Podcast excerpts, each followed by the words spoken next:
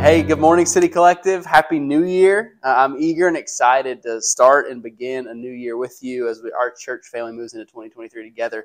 Um, I, I've been thinking all like over the past couple of weeks that moments like this one and days like today, New Year's Day, um, they occasion a lot within, like they bring a lot up within us, don't they? Like some of you already this morning, January 1st, 2023, you've already sat down with your journal and planner. Right? You've chosen your word for the year. You've laid out your resolutions. You've made the checklist of things you want to do, goals you want to accomplish, places you want to go, changes that you want to make in your life. Some of you have resolved to do all of that at some point. You just haven't gotten to it yet, if you're like me. And some of you have resolved not to do any of that this year. And that's fine wherever you are this morning. Like we're all at different places. I just wanted to take advantage today, this morning, as we begin a new year together, scattered across homes, Tennessee, the South, the country, the world, maybe even. I just want to take a, a moment this morning to take advantage of all that a day like today stirs up in us to recognize, I think, one of the foundational realities of what it means to live life in relationship with Jesus by the power of His Spirit to the glory of the Father. And I believe for our great joy as men and women, boys and girls, created in the image of God, called into discipleship to follow after King Jesus. And I believe that thing that I want to talk about this morning and leverage as we begin a year together is the invitation of Jesus into transformation. And on a day like today, that seems appropriate. Like the truth that God welcomes us as we are, but never leaves us where He finds us, right? That we are moving somewhere together as individuals and as a people. Transformation, a word that on a day like today seems to land a bit differently if you're like me. In the midst of resolution making and word choosing and planning, one of the crucial realities of life lived in a relationship with Jesus, one of the principal invitations, I believe, of discipleship is the invitation, as I said, into transformation. That what we are becoming is not what we were when we met Jesus. The promise that not only is change possible, but that is affected and catalyzed by the work and the presence of God's Spirit at work among us and in us. I think that's the real, reality that Paul speaks of when he writes to the Galatian church. And he says that in essence, that his desire, his work, his purpose in their life, and the goal of his life is aimed at Christ being formed in them. That just as Jesus was formed in Mary's womb as we celebrated during this last season of Advent, so too Paul believes and I believe that Christ is being formed in us, in our character.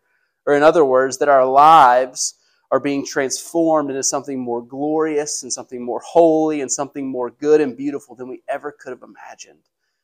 That we are being formed into Christ Himself as His apprentices as we learn His ways and walk in His steps. And I think that is a really good place to begin a year from.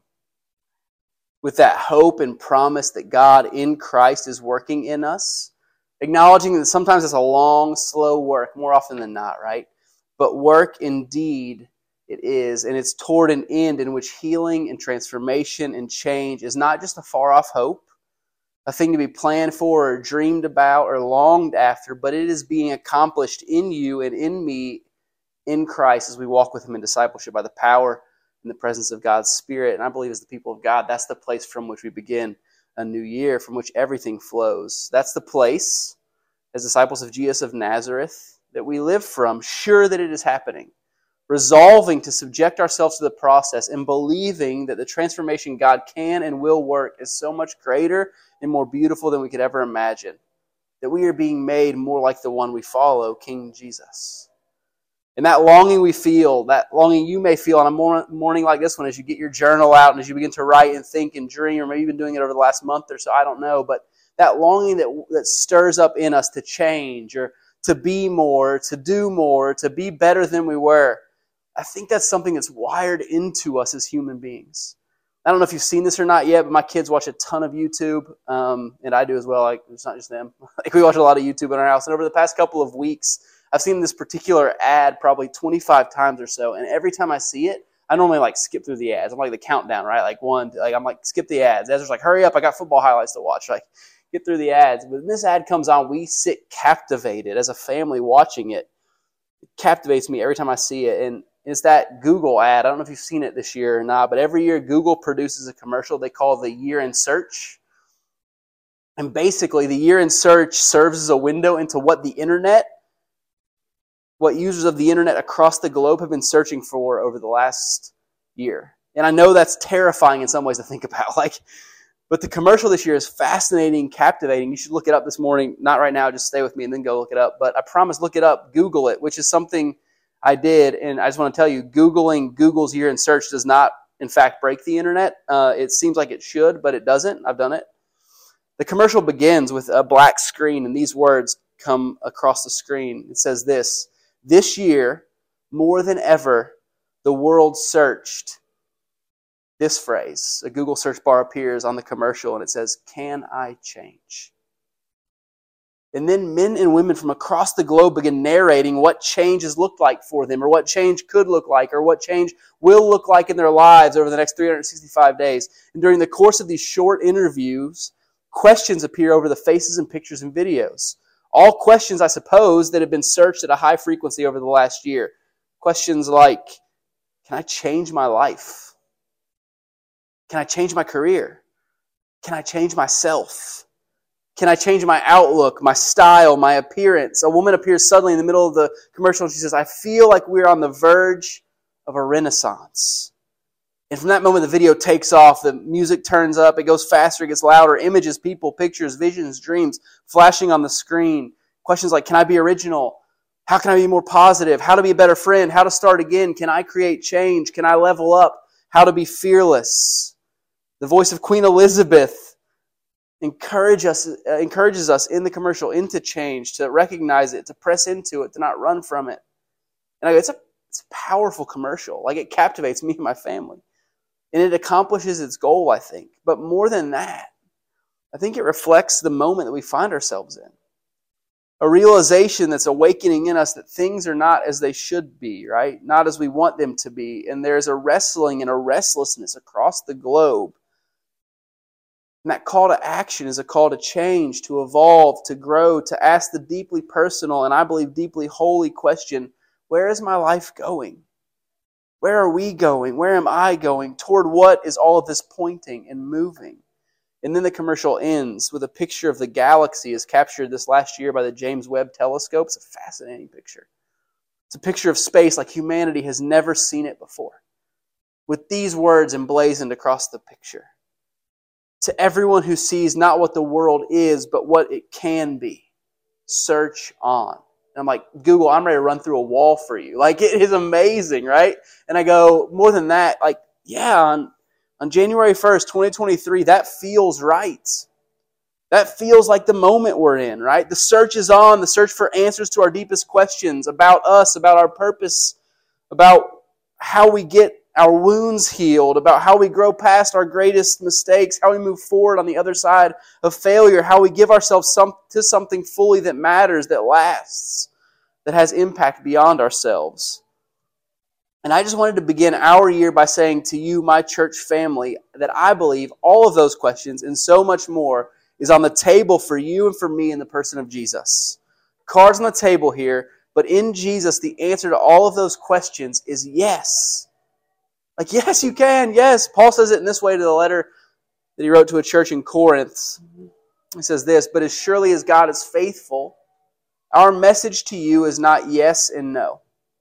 For the Son of God, Jesus Christ, who was preached among you by us, by me and Silas and Timothy, was not yes and no, but in him it has always been yes. For no, no, for no matter how many promises God has made, they are all yes in Christ. And so, through him, the Amen, the let it be, may it be so, is spoken by us to the glory of God.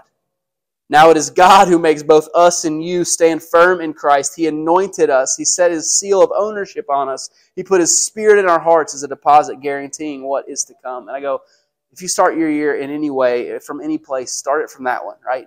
That every promise God has made, every one of them, the answer is yes in Christ in the one who is being formed in you by the very power of God's Spirit? It's yes.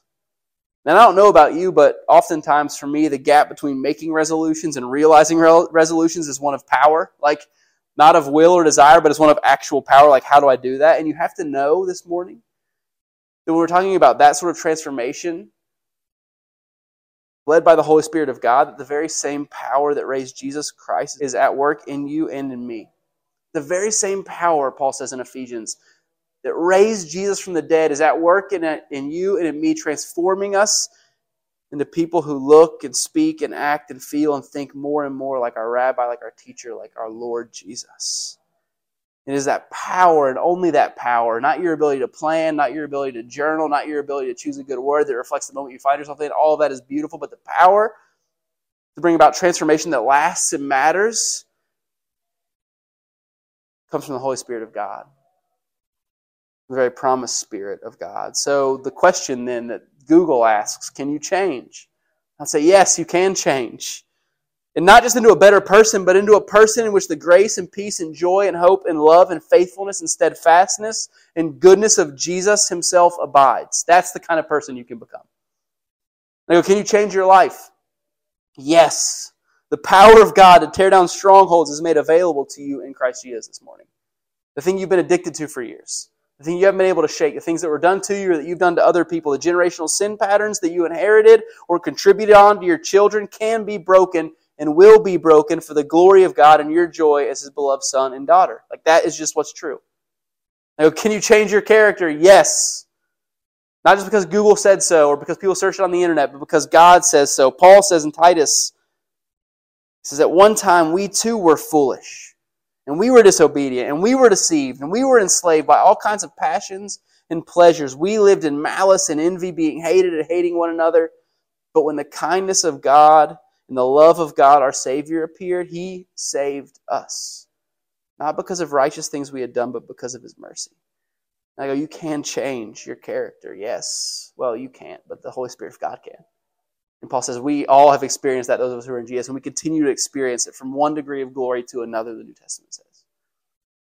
Like all of the questions, almost every single one of them that was named in the video and searched by men and women and boys and girls across the globe in the last year has a powerful and definitive answer. And it is yes. And it is yes in Jesus the Christ, the Messiah, the Son of God. For God's glory, for your joy, and for the vision of seeing Christ Himself formed in you, in me. So as we begin a new year together, as you make resolutions and choose words, do that. I, please, and share them with me. I love to hear your word for the year. As we ask some of those same questions ourselves, questions that you may have Googled over the last year, I don't know. I just want to be the first to say to you that the answer is yes. In Christ, yes. And I want you to know that I can't wait to see it and to experience it with you. That's what I name it. It means work. It means challenge. Change is never easy or painless. Ask Mary or any pregnant woman ever what it means to have a life formed in your body and in your soul. But man, how glorious is it to see the result of that formation? To hold the result of that formation. And Paul says that Christ is being formed in you for the glory of God and your joy. And I can't wait to see it in your life, and I can't wait to see it in my own life. And I promise you this that when that happens, it will be even more glorious than the picture from the James Webb telescope that ends Google's year in search commercial. Like that has nothing, nothing to compare with the glory of God and display the transformation of his sons and daughters for his glory and our joy. It will be a vision of glory that is one of Christ formed in me and in you and our sons and daughters, friends, neighbors, communities and all of it for God's glory. And I go, may God's glory fill the earth. May fill our church in 2023 and beyond, even and especially as His glory fills you and I. We love you. Happy New Year. We'll see you next week at the Signal, January 8th, 1030 uh, to worship. Be blessed. Happy New Year.